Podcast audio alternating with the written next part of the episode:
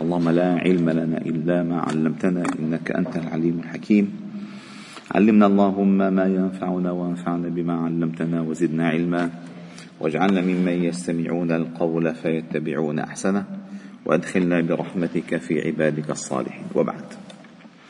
فلا نزال معكم أيها الأحباب الكرام في مجالس القرآن ضمن دروس القرآن الفجري وقد تناولنا آيات الربا في سورة البقرة.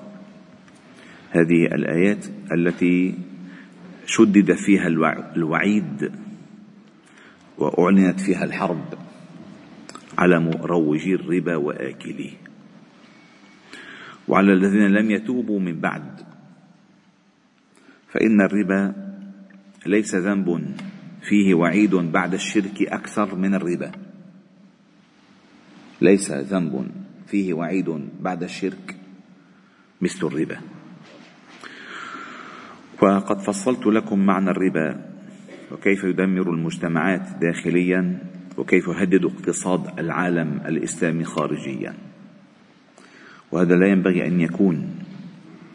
وورد في الحديث أن النبي صلى الله عليه وسلم قال رأيت الليلة رجلين أتياني فأخرجاني إلى الأرض المقدسة. وهما ملكان ولكن بصورة رجلين. فانطلقنا حتى أتينا على نهر من دم. فيه رجل قائم على وسط النهر. وعلى شط النهر رجل بين يديه حجارة. واحد نص النهر وواحد على على حافة النهر. إلى على حافة النهر معه حجارة. فأقبل الرجل الذي في النهر فإذا أراد الرجل أن يخرج رمى الرجل بحجر أين في فيه في فمه يعني. فرده حيث كان فجعل كلما جاء ليخرج رمى في فيه بحجر فيرجع كما كان. فقلت ما هذا؟ قال الملك الذي رأيته في النهر هو آكل الربا. يا لطيف ولا منظر يا لطيف. وقال النبي صلى الله عليه وسلم درهم درهم الربا يأكله الرجل وهو يعلم أشد من ست وثلاثين زنية. يا لطيف. هلا لي كلها قد كلها قد طيب رضيان. هذيك رضيان وهذا رضيان. ليش الوعيد الشديد؟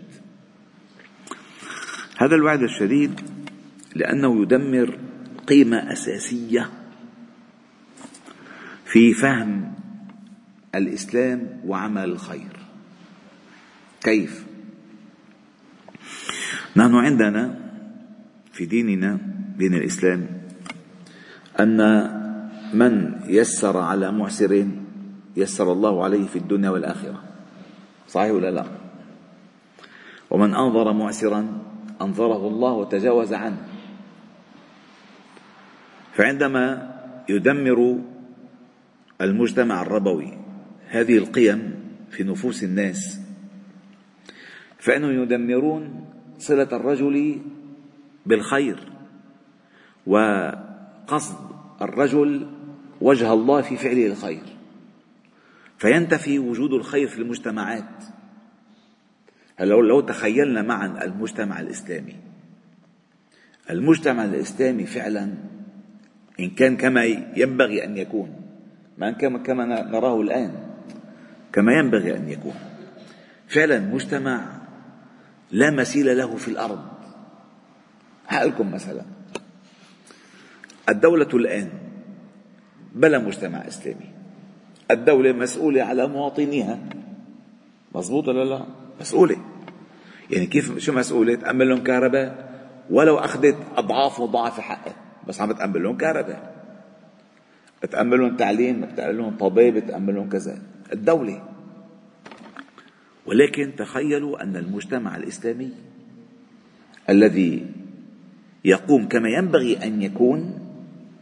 تصوروا أن كل فرد من المجتمع الإسلامي يشعر بمسؤوليته تجاه كل معوز وتجاه كل فقير وتجاه كل مسكين وتجاه كل ملهوف وإلا ما معنى الزكوات وما معنى الصدقات؟ الزكوات تأخذها الدولة الإسلامية فتردها للفقراء. أما السعي على الأرامل والمساكين وإنظار المعسرين وتجاوز المدينين وإغاثة الملهوفين هذا ليس من واجب الدولة.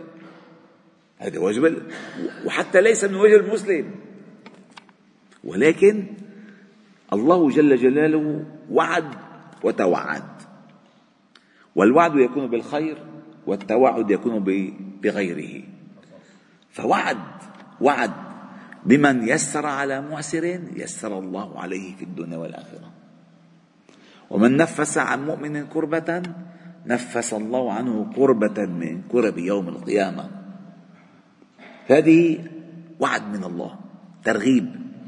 فيأتي الربا يمحو كل هذه المسائل.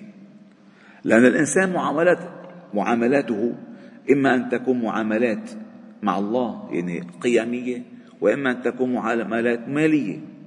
فإذا قبضت هذه المسائل المالية بيد من لا يخافون الله فقدت القيم كل القيم من المجتمعات. لك كل شيء بحسابه عدس بترابه. لا بعرفك ولا بدي حقي. منه حقه هو؟ لذلك هذا الذي يلقم الحجر لأنه يأخذ شيئا ليس له. ليس له. لا تأكلوا الربا أضعافا مضاعفة. واتقوا الله لعلكم تفلحون واتقوا النار التي أعدت للكافرين. فلذلك هذه القيمة الأساسية في تحريم الربا.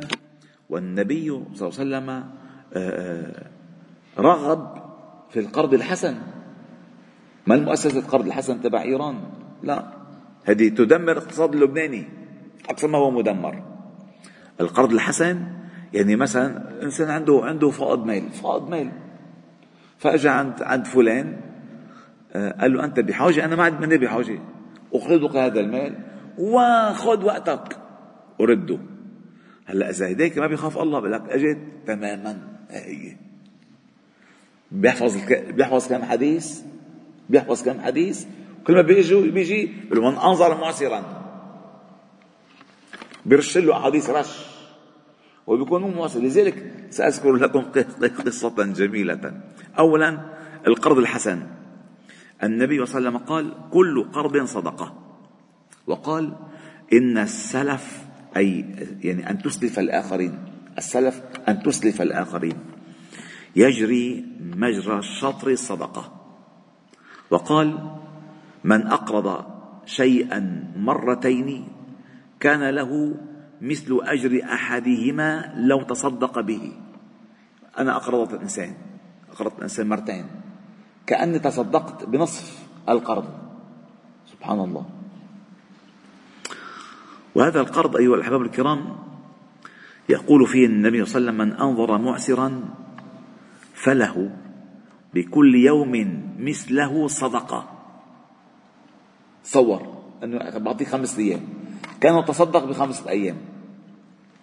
وقال من أنظر معسرا فله بكل يوم مثليه صدقة. هذه مضاعفة. وقال صلى الله عليه وسلم له بكل يوم صدقة قبل أن يحل الدين.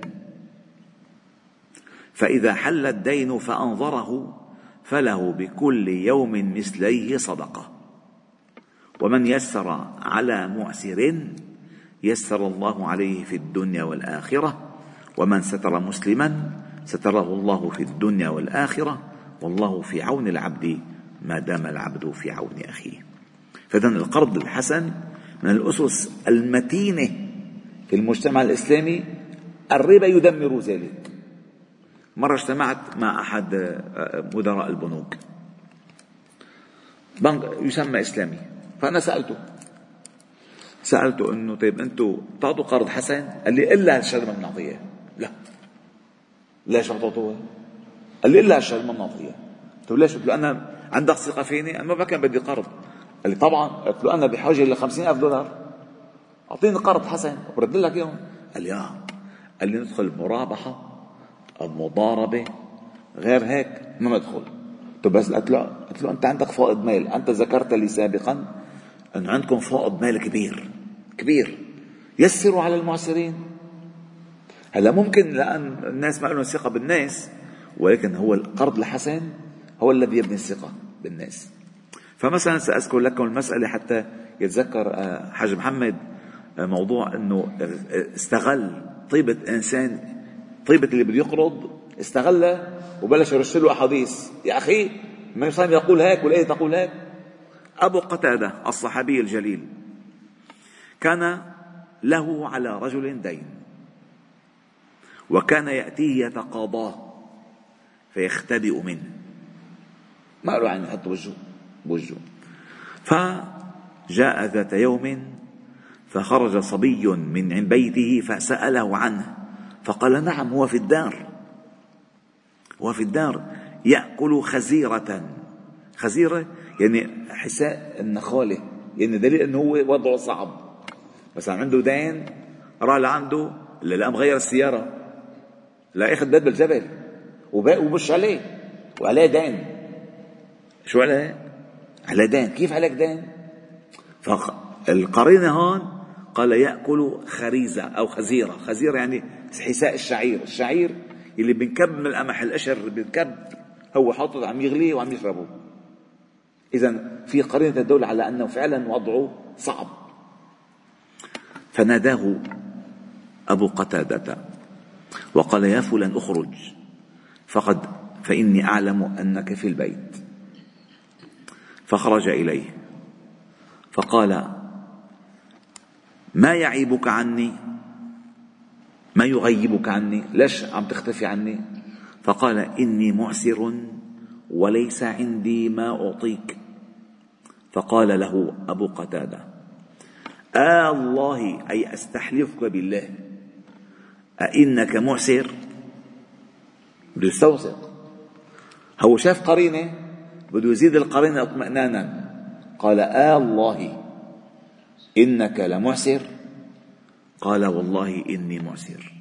فبكى أبو قتادة وقال سمعت النبي صلى الله عليه وسلم يقول من نفس عن غريمه أو محى عنه كان في ظل العرش يوم القيامة.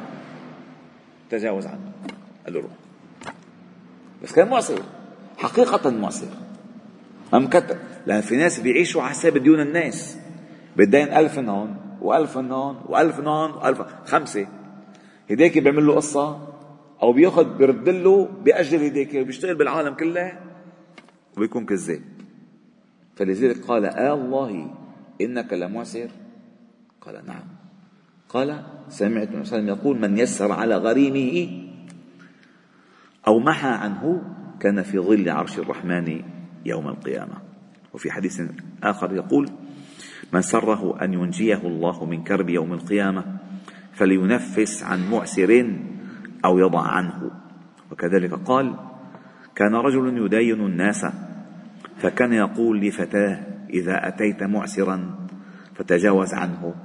لعل الله أن يتجاوز عنا فلقي الله فتجاوز الله عنا. هذه هي أخلاق الإسلام في القرض الحسن. لأن هذا الاقتصاد يكون محمي محمي. الكل يسعى في خدمة الكل. هو أقرضه حتى يرد. القرض ضمانة الأصل. ولكن لما تصدق عليه وكفل أيتامه وكفل الأرامل هذه ما مسؤوليته؟ ولكن الوعد في أجر ذلك أنا وكافل اليتيم كهاتين. أنا وساعي على الأرملة والمساكين معه في الجنة. فبيتنشط.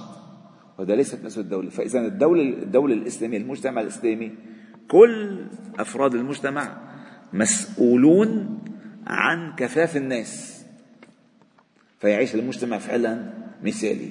وأذكر قصة ذكرها أصحاب الكتب في النوادر واللطائف أنه كان رجل يؤاخي رجلا ويجاوره في جاره يعني. فأتاه يوما يريد مالا يريد مالا فطرق الباب عليه فلم يكن موجودا في البيت.